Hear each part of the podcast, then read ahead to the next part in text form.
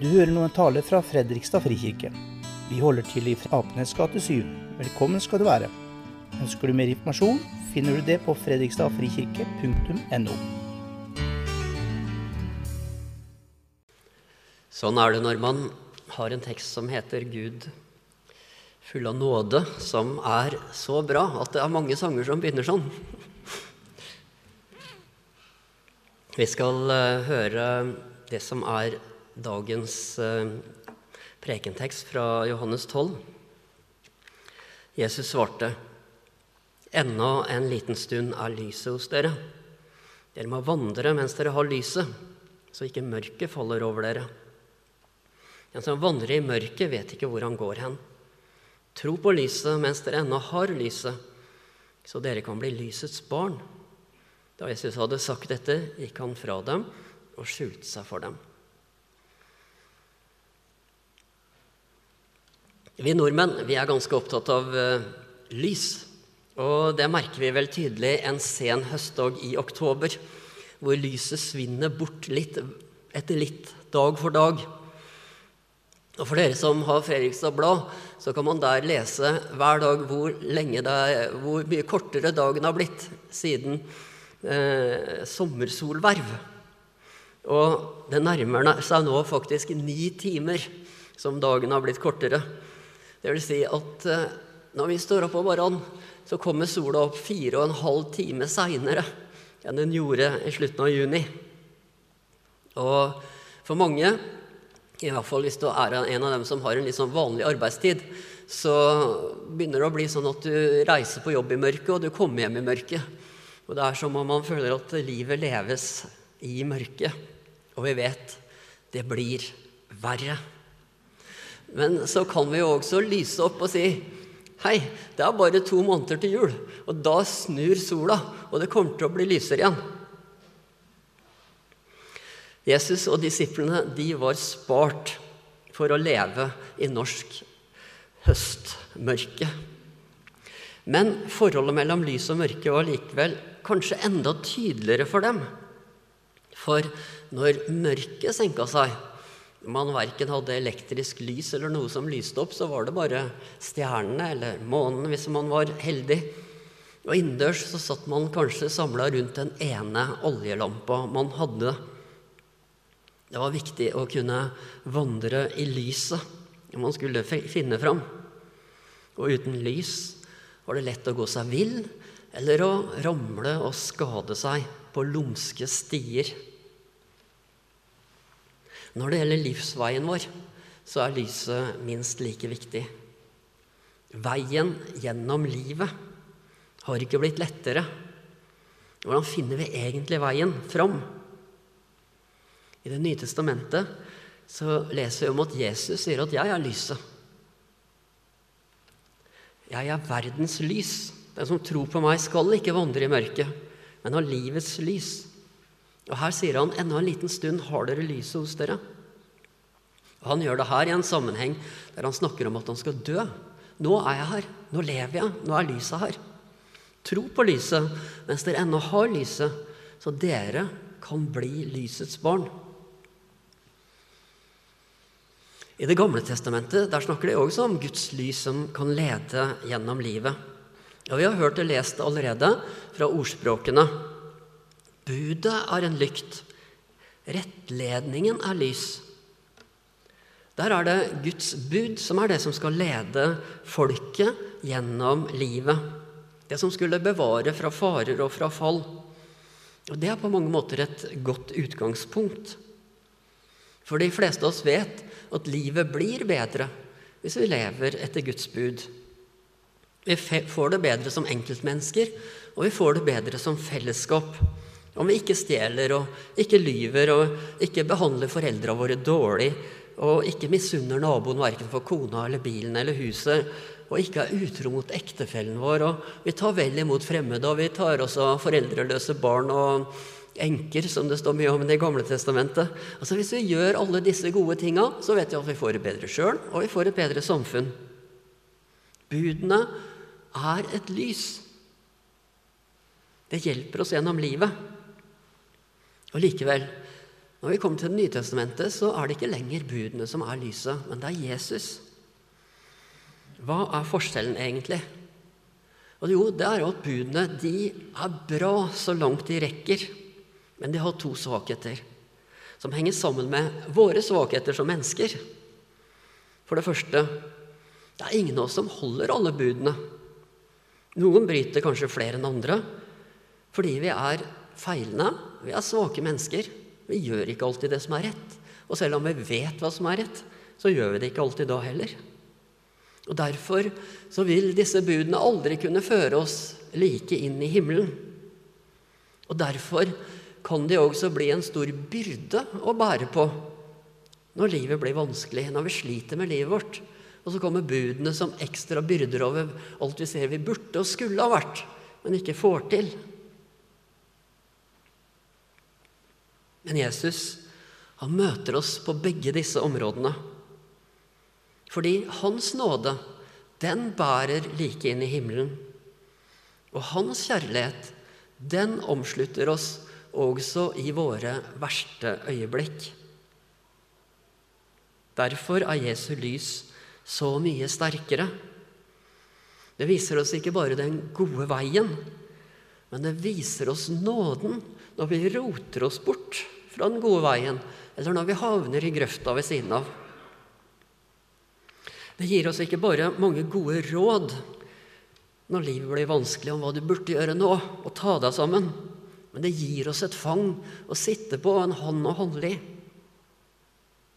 Og så sier Jesus altså bli lysets barn. Hvordan er vi egentlig lysets barn? Og Hvis vi skal svare på det, så er det viktig at vi ikke faller tilbake da, til Det gamle testamentet og tenker at lysets barn, det er vi når vi gjør alt riktig, når vi skinner. Når vi skinner som blankpolerte Teslaer som aldri har blitt bulka noen gang i løpet av livsveien sin. Men å være lysets barn, det kan ikke være å framstå som feilfrie og perfekte.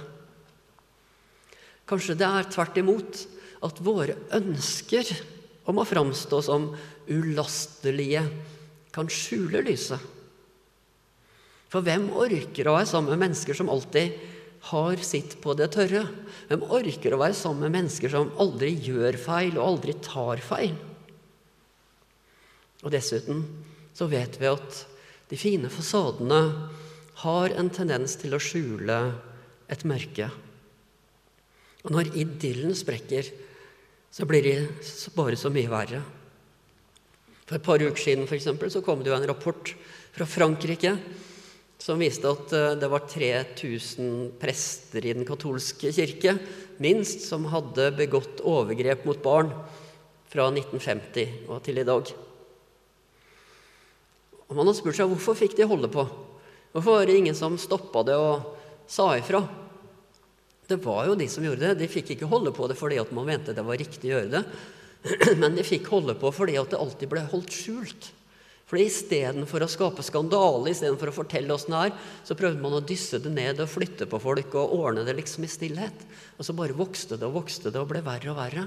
Mørket fikk vokse fordi at fasaden var så viktig, at den skinte. Vil vi være lysets barn, da kan vi ikke drive med løgn og tilsløringer. Å være lysets barn må handle om å være ærlige, selv om det vil vise seg at vi har både bulker og riper i lokken. Vi er mennesker. Vi tror ikke at det er vi som er lyset, men at Jesus er lyset vårt. Og så prøver vi å, å leve i det lyset. Jeg skal fortelle dere en historie. Og den historien handler om denne dama her. Hun heter Judy Sill. Det er kanskje ikke så mange som det ringer bjeller i bakhodet på når jeg nevner navnet hennes, men i en god del miljøer, og ikke spesielt kirkelige gjerne, men gjerne litt sånn kulturelle og sånn, så har Judy Sill en veldig, veldig høy stjerne. Judy hun vokste opp i det som vel kan kalles en dysfunksjonell familie.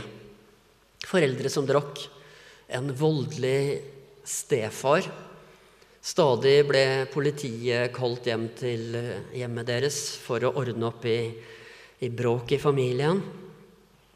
Uh, hun stakk hjemmefra så tidlig hun bare kunne, men fortsatte jo selv med den samme destruktive livsstilen, sånn som det ofte er. Med alkohol, piller, etter hvert sterkere ting som LSD, heroin. Og for å finansiere det hele så ble hun involvert i kriminalitet, ran, prostitusjon. Og til slutt så ble hun tatt av politiet, satt i ungdomsfengsel, satt på forbedringsprogrammer. Og hvor mye det hjalp, det var vel litt opp og ned. Men hun hadde én stor gave, og det var Hun var ekstremt musikalsk. Hun sang og spilte og skrev sanger. Og hun kom seg videre i livet. Det humpa videre. Hun skrev sanger, og hun begynte å få oppmerksomhet. Og dette var liksom på slutten av Dette var på, i hippietida. Gamle, gode hippietida. Og et av de plateselskapene som kom til å få størst betydning den gangen, het Asylum Records. Og de oppdaga henne, og den første artisten de eh, inngikk kontrakt med, var Judy Sill, for de hadde så stor tro på at hun kom til å bli noe stort. I 1971 så ga hun ut det første albumet sitt med gode kritikker, men det solgte ikke. Hun ga ut et nytt album i 1973 som heller ikke solgte. Og dermed så ble hun sparka ut av plateselskapet. Ingen trodde på henne lenger. Og hun ble mer eller mindre glemt. Og livet, det ble bare verre. Hun var involvert i et par trafikkulykker som ga henne skader, som ga henne kroniske smerter. Hun begynte igjen å bli en storforbruker av piller, alkohol og nedbrytende stoffer. Og i 1979 så døde hun av en overdose. Da var hun 35 år gammel. En utrolig trist historie jeg driver og forteller her på en søndag formiddag. En tragisk skjebne. Men så skjedde altså Årene gikk, og sakte, men sikkert begynte folk å gjenoppdage musikken hennes. Platene hennes ble gitt ut på nytt. Det ble lagd radioprogrammer og TV-programmer. En del av det kan dere finne på YouTube. F.eks. et program BBC lagde som heter Lost Genius og Judy Sill. Og folk ble dypt berørt av sangene hennes. Og mange av de sangene de handler om en lengsel etter Gud. I am waiting so hard for a kiss from God. Jeg venter så veldig på et kyss fra Gud. Eller en av de mest kjente sangene som heter 'Jesus is a crossmaker'. Was a crossmaker. Jesus var en som lagde kors. Der hun skriver om hvordan hun selv har blitt ødelagt og såra. Hun synger om en som er en bandit, en heartbreaker. En som hjerteknuser. But Jesus is a crossmaker. Jesus er på en måte den som hele tiden representerer det gode, kontrasten til alt det forferdelige som hun opplevde i livet. Og den andre plata hennes, den siste hun fikk gi ut, den avslutter med to sanger. Den ene heter 'When the Bridegroom Comes', når brudgommen kommer. Og så kom 'The Donor', giveren, som handler om Gud, og som har dette refrenget som går igjen i bakgrunnen, som heter 'Kyrie Eleusen'. Herre, miskunn over oss. Og nå har jeg spurt Johannes rett og slett om å synge sangen 'When the bridegroom comes'. Når brudgommen kommer. Eh, det er en sang som er spekka av bibelske bilder og motiver. Som dere vil kanskje kjenne igjen noen av dem. Eh, de fleste kanskje. Og noen er Det, det tyder iallfall på et menneske som har grundig kjennskap til Bibelen. Og det handler altså om når brudgommen kommer, når Jesus kommer. Hvem er det som får møte han?